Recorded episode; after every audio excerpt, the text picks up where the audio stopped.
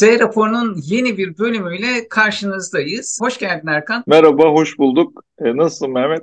Çok iyiyim, çok enerjiyim, çok teşekkür ederim. Bugün çok bilinen ama bilinmeyen bir konu konuşacağız. Herkesin böyle farklı bir şekilde anladığı, işin doğrusunu, işin aslını çok az kişinin bildiği enteresan bir konumuz var. ERP veya işte daha doğru söylenişiyle be, belki ERP'yi konuşuyor olacağız. Şirketimizde ERP'yi değiştirdik. Yeni bir ERP aldık.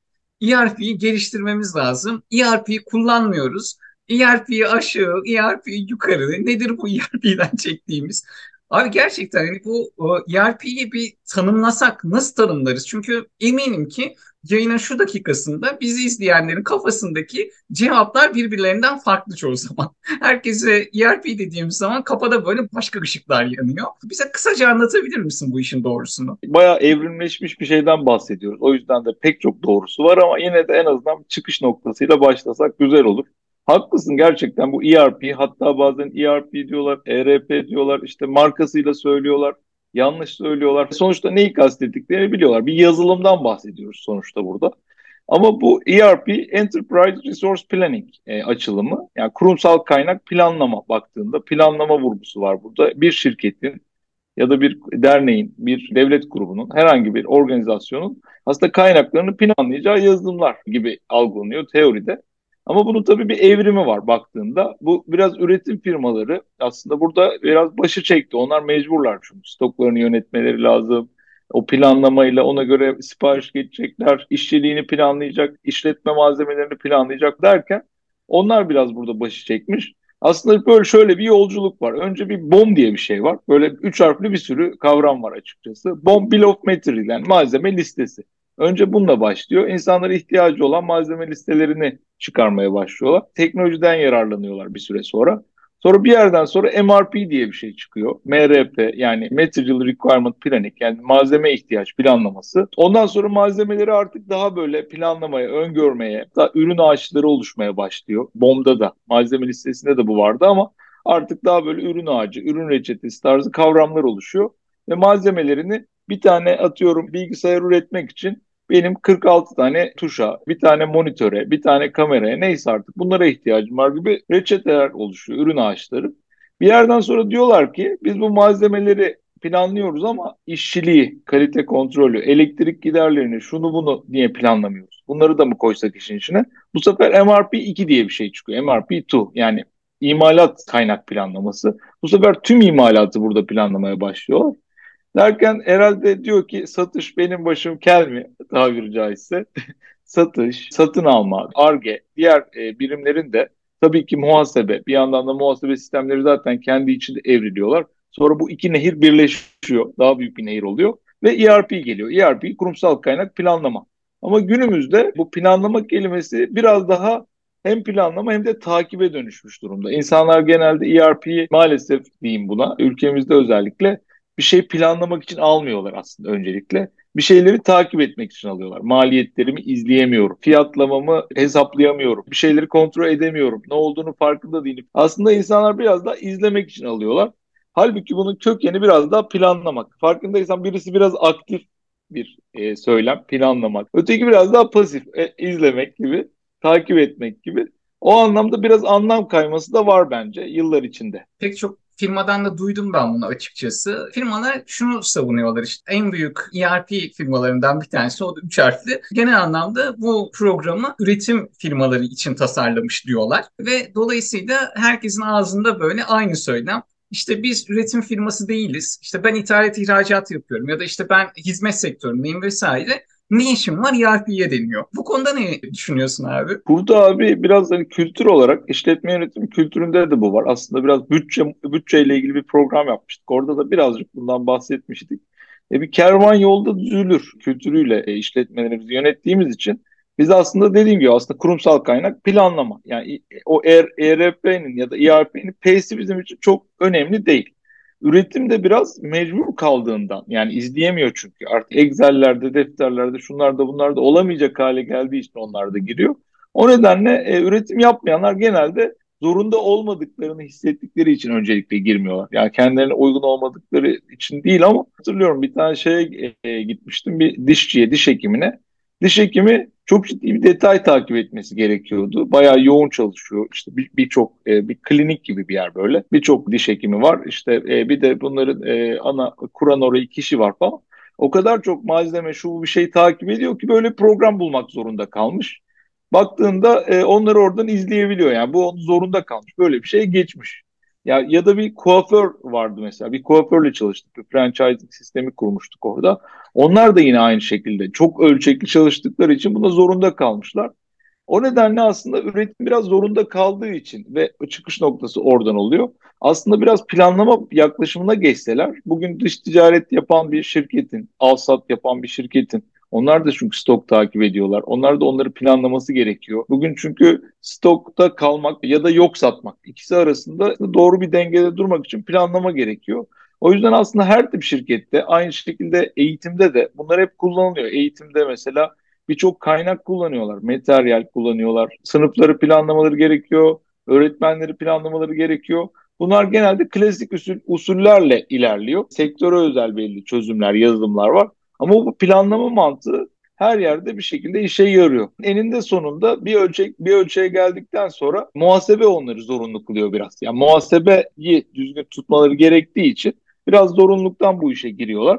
Ondan sonra da e, bir bakıyorsun hepsi ERP'lerde ilerlemeye başlıyorlar. Ama keşke zorunluluktan değil de hani o planlama planlamamız lazım işimizi söylemiyle başlasalar. Yenilik getirecek bu programlar firmalara. Stoklarını görebilecekler vesaire ve bu yenilik bir şekilde belki de işlerini büyütmekte faydalı olacak onlara. Ben küçük bir aile işletmesiyim diyelim ki. Üretim de yapıyorum evet. Ama çalışan sayım çok az. Yani e, gerçi senin bu diş ekibi örneğinden sonra biraz sallantıya girdi benim soru ama 10 kişiyim mesela. Üretim yapıyorum. Piyasada çok pahalı ERP sistemleri var. Standart bir paket alıyorsunuz. Büyük bir ihtimalle orada bazı böyle modüllerde özelleştirme gerekecek sizin işinize göre. Örnek veriyorum işte normalde e, M kod başlayan bir şey ise sizin için belki B kodu olacak o. İşte dolayısıyla ben şirketimde bu kadar fazla yatırım da yapmak istemiyorum. Bu kadar büyük e, ERP programlarını da satın almak istemiyorum. Var mı böyle küçük işletmeler için ihtiyaç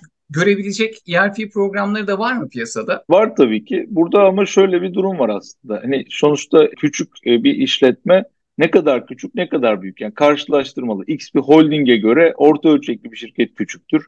Bir bakkal ona göre küçüktür. Diş hekimi ona göre küçük olabilir yani. O anlamda küçüğün küçüğü, büyüğün büyüğü var. Yani bu anlamda benim önerim aslında küçük büyük demeden analiz. Yani analiz kesinlikle yapılmalı. Hangi süreçleri yönetmek istiyor? Kaç kişiyle yönetmek istiyor? Kişi sayısı gerçekten önemli hale geliyor. Çünkü eğer bir kişi bu, bu işlemi yönetecekse, maliyetleri, stokları, bir şeyleri bir kişi izleyecekse aslında o zaman böyle e, kompleks ERP'ler alırlarsa bir şekilde biri girecek, Öteki onu o süreci tetikleyecek. Öteki yani bir, bir şekilde hani olur ya böyle aynı kişi şapka takıyor, o rolü üstleniyor. Bıyık takıyor, o rolü üstleniyor. Gözlük takıyor, o rolü üstleniyor gibi tuhaf bir hale gelebilir. Kendi kendini tetiklemesiyle sonuçlanabilir. İşletmeler aslında küçük büyük demeden analiz yapmaları lazım. Kendi süreçlerini, kişi sayısını. Kişi sayısı burada çok kilit.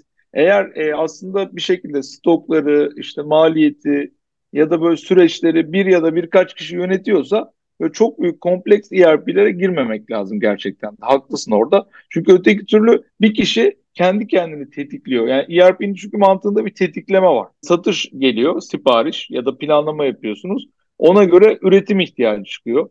Üretim ihtiyacına göre ürün ağacı üzerinden satın alma ihtiyacı çıkıyor. Ya da yeni üretim ihtiyaçları çıkıyor. Yarı mamul üretim ihtiyaçları olabilir bunlar. Ondan sonra ona göre de diğer şeyler çıkıyor vesaire. İş gücü planlaması çıkıyor. İşte e, elektriktir, yakıttır, malzemedir bu planlamalar çıkıyor.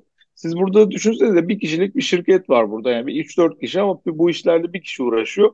Kendi kendi tetiklemesiyle sonuçlanır bu. O nedenle böyle buraya veri girer. O girdiği veriyi alıp bir daha buradan girer, bir daha buradan girer. Bu olanaksız olduğu için kompleks bir ERP tuhaf kalır. Ama büyük bir yapıda diyelim ki 300 kişilik bir şirketten bahsediyoruz ya da 50 kişilik bir şirketten bahsediyoruz. Beyaz yakada 10 kişi var. Satın alması ayrı, muhasebesi ayrı, üretim planlaması ayrı. O zaman e, satışı ayrı. O zaman artık birbirini tetiklemesi gereken birimlerden bahsediyoruz. Kompleks bir ERP gerekiyor. Burada o yüzden benim önerim aslında işletmenin süreçlerini analiz ettirmesi. Ve böyle ERP'lerin bazıları özellikle böyle e, ünlü e, yurt dışı bazı ERP'ler var. Onlar doğuşları gereği biraz daha kurumsal doğdukları için çok böyle deneseler de biraz alt taraflara çok hitap edemiyorlar. Onlar bir noktada kesiyor. O yüzden çok küçük işletmeler zaten fiyat olarak da o segmente girmeleri zor. Onlardan uzak durabilirler. Onlara çok küçük işletmelere internet tabanlı şeyler öneriyorum ben. Böyle şimdi marka vermeyelim ama girdiklerinde böyle bir internet sitesine üye olmak gibi aslında onlar için. Kiralama modeli oluyor hatta onların genelde. Aylık bir para ödüyorlar. Yani bir yazılım satın almaları da gerekmiyor. Yazılım da iyileştirildikçe onlar da bir web sitesine girer gibi girdikleri için ondan faydalanıyorlar. Bu arada bunların hep güvenlik önlemleri falan alınmış durumda oluyor genelde. Ondan sonra diğer tarafta bir e, hafif biraz daha büyük ölçüye geldiği zaman artık böyle biraz da e, yine web tabanından ilerleyebilir. Yani o bir seçim web tabanlı ya da işte e, on, on premise şeyde de olabilir. Kendi e, sunucularında da tutabilirler bunları. Onda bir problem yok. Ama baktığınız zaman orada bir artık şeyi analiz etmesi gerekiyor. Hangi süreci ne kadar detaylı görmek istiyor? O süreçte kaç kişi yer alıyor? Ona göre komplekslik e, ya da basitlik seviyelerini ayarlamaları gerekiyor. E, bununla ilgili de hani her böyle yazılımın güçlü yönü vardır ya, ya muhasebe her yerde tamam zaten. Zaten yasal bir zorunluluk. Bordro aşağı yukarı hepsinde yine zorunlulukları karşılıyor durumda. Biraz farkları olsa da. Ondan sonra e-devlettir, yok e-faturadır. Hemen hemen hepsi karşılamak zorunda. Duramazlar ayakta. Ama bazısının üretim üretimde çok iyi oluyor. Diyelim ki metal işlemede çok iyi oluyor bazısı. Bazısı bakıyorsun tekstilde çok iyi oluyor. Bu da neyle ilgili? İlk yaptıkları projeler hangi sektördense orada bir tecrübe birikiyor. Haliyle yazılım oraya doğru evriliyor. O yüzden bunlar bunlara da bir dikkat etmeleri lazım. Referans istesinler. Bize şöyle desinler. Hani ölçekten bahsediyoruz ya. Bizim sektörden, bizim ölçeğimizde bize sunabileceğiniz referanslar var mı? Onlarla görüşmek istiyoruz desinler. Görüşsünler. Hatta ERP seçimi kolay bir şey değil yani. Makine almak gibi bir şey. Ya yıllarca kullanacağım bir şey. Üşenmesinler, gitsinler, görsünler.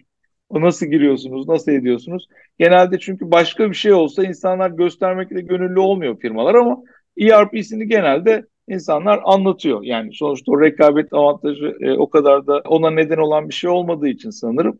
Yani bir şekilde bu anlamda bu referanslarla falan o kendine uygun çözümü bulmaları lazım. Yani biraz zaman harcasınlar. Eğer hızlı hani komşunun ERP'si diye bir kavram var. Ya bizim arkadaş bundan aldı. Çok iyi işleri aldı, yürüdü. Ben de ondan alacağım gibi. Bu çok tehlikeli işte. Yani o zaman gerçekten içinden çıkılmaz bir noktaya gelebilirler. Başta biraz düşünsünler, zaman ayırsınlar buna derim ben. Ben yine böyle bakkal örneği vereceğim. Çünkü ben bakkalımı çok çok seviyorum. İnanılmaz derecede inovatif bir insan. Hatta karşıdaki bakkal farklı bir iş koluna geçti. Onun komple stoğunu da aldı. Mekan olarak aynı yerde ama stok bir anda iki katına çıkmış durumda. Benim kafamda hemen biraz danışmanlık kasları vesaire diyelim şey geldi hani bu stoğu nasıl yönetecek ondan sonra hani aynı adamları var vesaire işte e, hani nereye koyacak falan. Stoğu aldığı bütün ürünlerin hepsini e, barkod okuyucuyla taratarak stoğu alıyor. Ve orada aslına bakarsan alış fiyatları var. Gözüküyor. Orada da büyük bir ihtimalle belirli bir kar marjı koyarak satıyor. Hani öyle tahmin ediyorum. Bilmiyorum için iş yüzünü ama özellikle de bu stoğa giren ürünlerden sonra her şeyin fiyatını unutmuş. Çünkü artık karman çorman. Ama okuttuğu zaman fiyat geliyor ya. Orada gerçekten de e, yükünü de alıyor onun. Normalde işte bakkallar ne olacak? Genelde işte pek çok ürünün e, fiyatını hafızada tutmak tutmaları gerekiyor veya işte bir tane fiyat etiketi basıcı olacak. Arkasına etiket basacaksın ki bu enflasyon ekonomisinde onlar da biraz değişken lik gösteriyor. O yüzden ERP bir anlamda akılda tuttuğunuz bilgileri de sizden alıyor ve biraz zihninizi boşaltmanızı da sağlıyor aslına bakarsanız. Hani en basit örneğinden söyledim. Bu ERP'ye girer bence bu sistem. Hani bakkalın kullandığı sistem bir anlamda çünkü stok takibi vesairesi de yapıyor. Belki de bu sistemi olmasaydı o kadar stoğu almaya cesaret de edemezdi. Bu bakkal diyelim e, böyle bir, bir ölçekte nalburlar, ondan sonra kırtasiyeler, Bunlar genelde çok fazla kalemle çalışmak zorunda. Çünkü müşteri oraya geldiğinde birçok ihtiyacını karşılaması gerekiyor. Onların da böyle bir ihtiyaca yönelik bir şey yaparsa düşün yani e, sadece sucuk satan bir bakkal olamaz yani. Hani o zaman e, alışveriş talebi daraltır kendine yönelik. O anlamda e, çok ürünle çalışmaları gerektiği için hangisinin fiyatı neydi? Hangisinin fiyatını ben ne zaman güncelledim? Hangisi hangi fiyattan geldi bana? Yani belki 2-3 parti geldi. Hangisi e, acılı, hangisi acısız, hangisi işte e, şunlu, hangisi bunlu falan. Onları takip etmek çok zor. Yani o yüzden bir yerden sonra artık e, zarar etmek kaçınılmaz. Yani orada takibi kaçırmak hatta ya da yok satmak. Aa bitmiş mi o ya? ya da işte tarihi mi geçmiş mesela? Son bunlar da hep tutulabilir sistemde. Ya da işte en son bunların fiyatını ne zaman güncellemiştik? X zamdan önce miydi, sonra mıydı? Bunlar böyle kafa olarak yaptığında insan işinden odaklanamaz hale gelebilir. SKU deniyor işte. E, stok tutma birimi ya da stok. Çok fazla stokla çalışan yerlerde. Bu yüzden bunların hepsine e böyle kendi ölçeklerine göre, kendi sektörlerine uyan e, ERP'leri öneriyoruz şiddetle. Yani yoksa gerçekten işin içinden çıkamazlar. Çeşitli modüllerden oluşuyor aslında. Büyük bir holdingin kullandığı ERP'nin modül sayısı başka ya da işte üretici bir firmanın kullandığı modül sayısı başka ama benim anladığım kadarıyla hemen hemen her işletmenin ihtiyacı olan belirli ERP modülleri var. İşte hani az önce senin de bahsettiğin gibi faturasını kesecek, stok takibini yapacak belki. Genel anlamda böyle hangi modülleri bunun benim için çok büyük gereklilik? Hani bir ERP'yi alacağım ama camda kısıtlı böyle. Hani nereden başlamalıyım bu ERP işine? Şimdi burada yine aslında biraz bu ölçüye bağlı ama e, şöyle diyebiliriz. Baktığında böyle muhasebe olmazsa olmaz. Ama şimdi muhasebede de gözlemlediğimiz kadarıyla bir genel eğilim var bir küçüklerde. Dışarıda tutmak, içeride tutmak. O anlamda eğer dışarıda tutturuyorsa zaten raporluyor vesaire. O zaman ne oluyor? Muhasebeci hangi programı kullanıyorsa zaten oradan gidiyor. O bir karar olabilir ama ben muhasebenin genelde bir noktadan sonra özellikle içeride tutulmasından yanayım. İçeride ya da kendi de tutsun. Yani çift kontrol olsun. Bir şekilde kendi raporlarını alabilsin. Çünkü muhasebede tutturduğu zaman muhasebeci genellikle e, matraha kadar geliyor. Yani matrah vergi borcunu çıkartıyor, devlete karşı yükümlülükleri yerine getiriyor. Hadi bir de üzerine bir iki raporlama yapıyordur e, en iyi muhasebeci. Hani adam, adamlar çünkü gerçekten muhasebecilerin, mali müşavirlerin ciddi bir iş yükü var. Yani devlet çünkü onlara birçok yükümlülük veriyor. Birçok şeyin hesabını onlardan soruyor. Onların ya böyle karar destek anlamında firmalara bir de destek vermeleri. Ki biliyorsun hani muhasebecilerin de standart ücretleri vardır. Çok arttırmazlar, azaltmazlar. O anlamda ona ayırmaları çok zor. Yani bazıları arası iyi olunca ayda bir bir rapor da veriyor hadi falan. O anlamda ben içeride tutmalarını öneriyorum ki e, kendi istedikleri zaman istedikleri formatta raporlar oluşturabilsinler kendi verilerinde. Yoksa kendi verilerini muhasebecilerden almakla uğraşıyorlar bu sefer. Bu neydi, şu neydi? Yani muhasebe özetle core modüllerden biri, çekirdek modüllerden biri. Satış kesinlikle olması gerekiyor. Yani bazen e, doğrudan siparişle satış ya da doğrudan parakendeler vesaire zaten satış otomatikman yapıyor. Fiş kesiyor, fatura kesiyor. Bazı şirketlerde de teklifle satış oluyor. Onlarda da teklif veriyorsunuz. Hatta daha önce de fırsat var.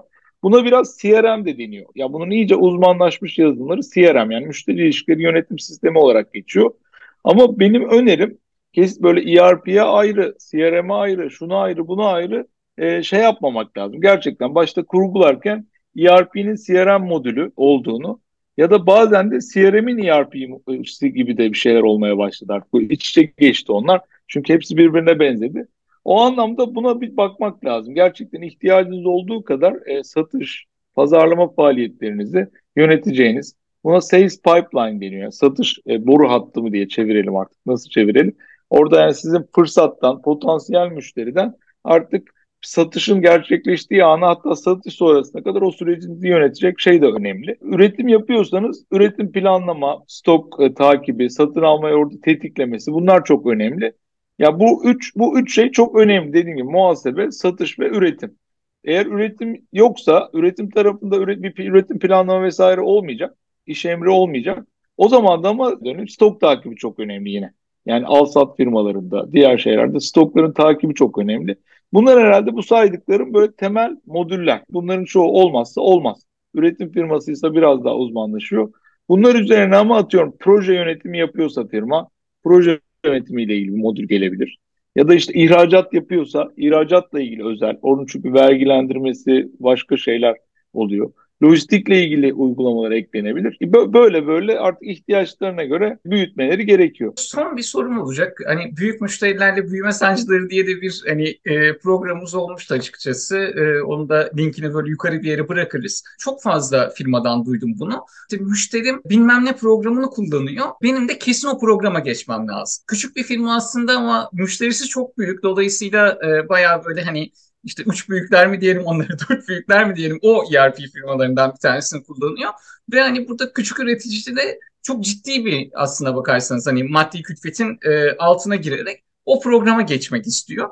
Ancak hani benim çok kısıtlı bilgimde şunu olduğunu tahmin ediyorum ben. Hemen hemen işte bir ve sıfırlardan oluşan her program bir şekilde birbiriyle veri alışverişinde bulunabilmesi gerekiyor. Hani benim kafamdaki şey bu. E, bu konuda doğru mu düşünüyorum? Yani hani büyük müşterim o programda diye benim illaki o programa geçmem mi gerekiyor küçük bir üretici olarak? Hani bu da benim kafamda bir soru işareti açıkçası. Şimdi bu aslında e, bir gerçekten o müşteriye e, hoş gözükme çabası, özenmek vesaire gibi duygusal bir karar mı? Yoksa gerçekten ben büyük müşteriyle çok ciddi bir veri alışverişi içinde miyim? Siparişleri oradan geçiyor vesaire o bu. Bu aslında önemli yani. İş bazlı bir şeyse, arkada iş bazlı bir e, kullanım varsa o zaman mecburen yani oraya adım atmamız lazım. Hatta bazı büyük firmalar sistemlerini açıyorlar. Yani bir kullanıcı adı şifre oluşturuyorlar size tedarikçi olarak. Oradan giriyorsunuz, devam ediyorsunuz. Bunlardan genelde de bir ücret almıyorlar. Alanlar da gördüm yurt dışında. Hani bunlara da bir faturasında ufak bir şey ekliyor falan. Yani bu anlamda bu bir zorunluluksa, bir, bu kadar veri akışı varsa onların ERP'sine geçmek zorunda kalıyorsunuz. Ama genellikle senin bahsettiğin kısım bunlar. Bir özenti, biz de bunu kullanıyoruz demek. Onlar gibi hissetmek. Hani böyle o saati takınca kendini o genel müdür gibi, o zengin gibi hissedersin ya filan gibi. Böyle bir eğilimse gerçekten çok tehlikeli. Çünkü bunların ilk al, ilk alma maliyeti belki paramız var ya, paramıza geçer sözümüz deyip verdiler. Öyle olmuyor işte. O sürdürme maliyeti daha fazla bunların. Çünkü bu bunu o sürdürmek için az önce de ilk başta da söyledim. Yani siz o işi 3 adamla yapıyorsunuz, 3 kişiyle yapıyorsunuz.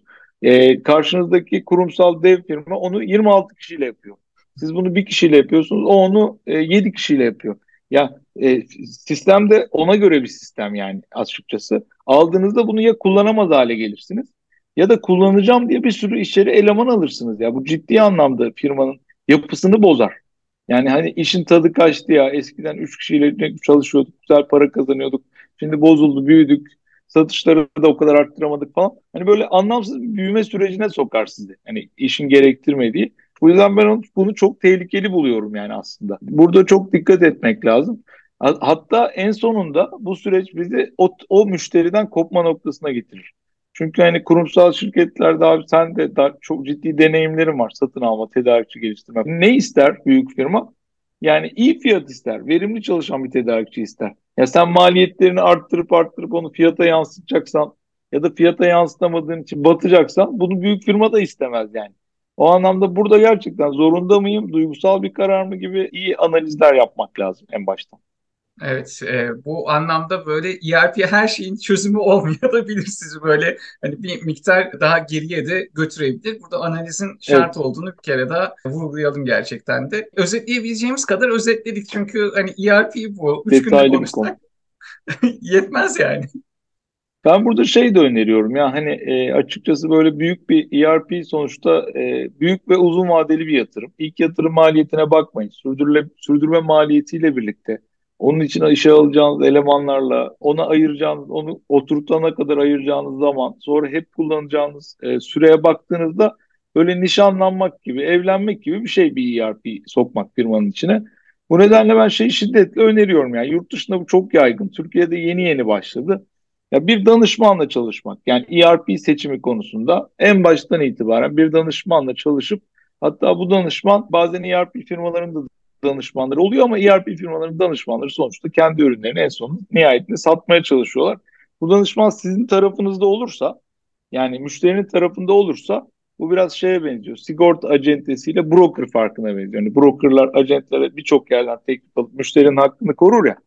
Böyle bir danışmana verilen ben ayıracak zaman ve paranın boşa gitmeyeceğini düşünüyorum. Yani çok çünkü çok büyük bir zaman ve maddi yatırımdan böyle yıllara yayarsak e, onlar zaten birçok yerde tecrübe edinmişlerdir analizlerde, ERP'lerden ne sıkıntı verir, hatta hangi ürün, hangi markaların hangi tip sıkıntıları olabilir gibi. Bu anlamda o süreci bir danışmanlıkla birlikte yönetmelerin onlara çok ciddi fayda sağlayacağını düşünüyorum. E, bugün e, böyle bir tane telefon aldık bir tane şeyden. Yani bir referans görüşmesi işte. E, de, dediler danışmanlık e, almışsınız seçimde. Nasıl yaptınız, nasıl ettiniz falan gibi. Onlara bilgi verdik mesela. Aa dedim sevindim yani bilinçli bir firma demek ki falan gibi.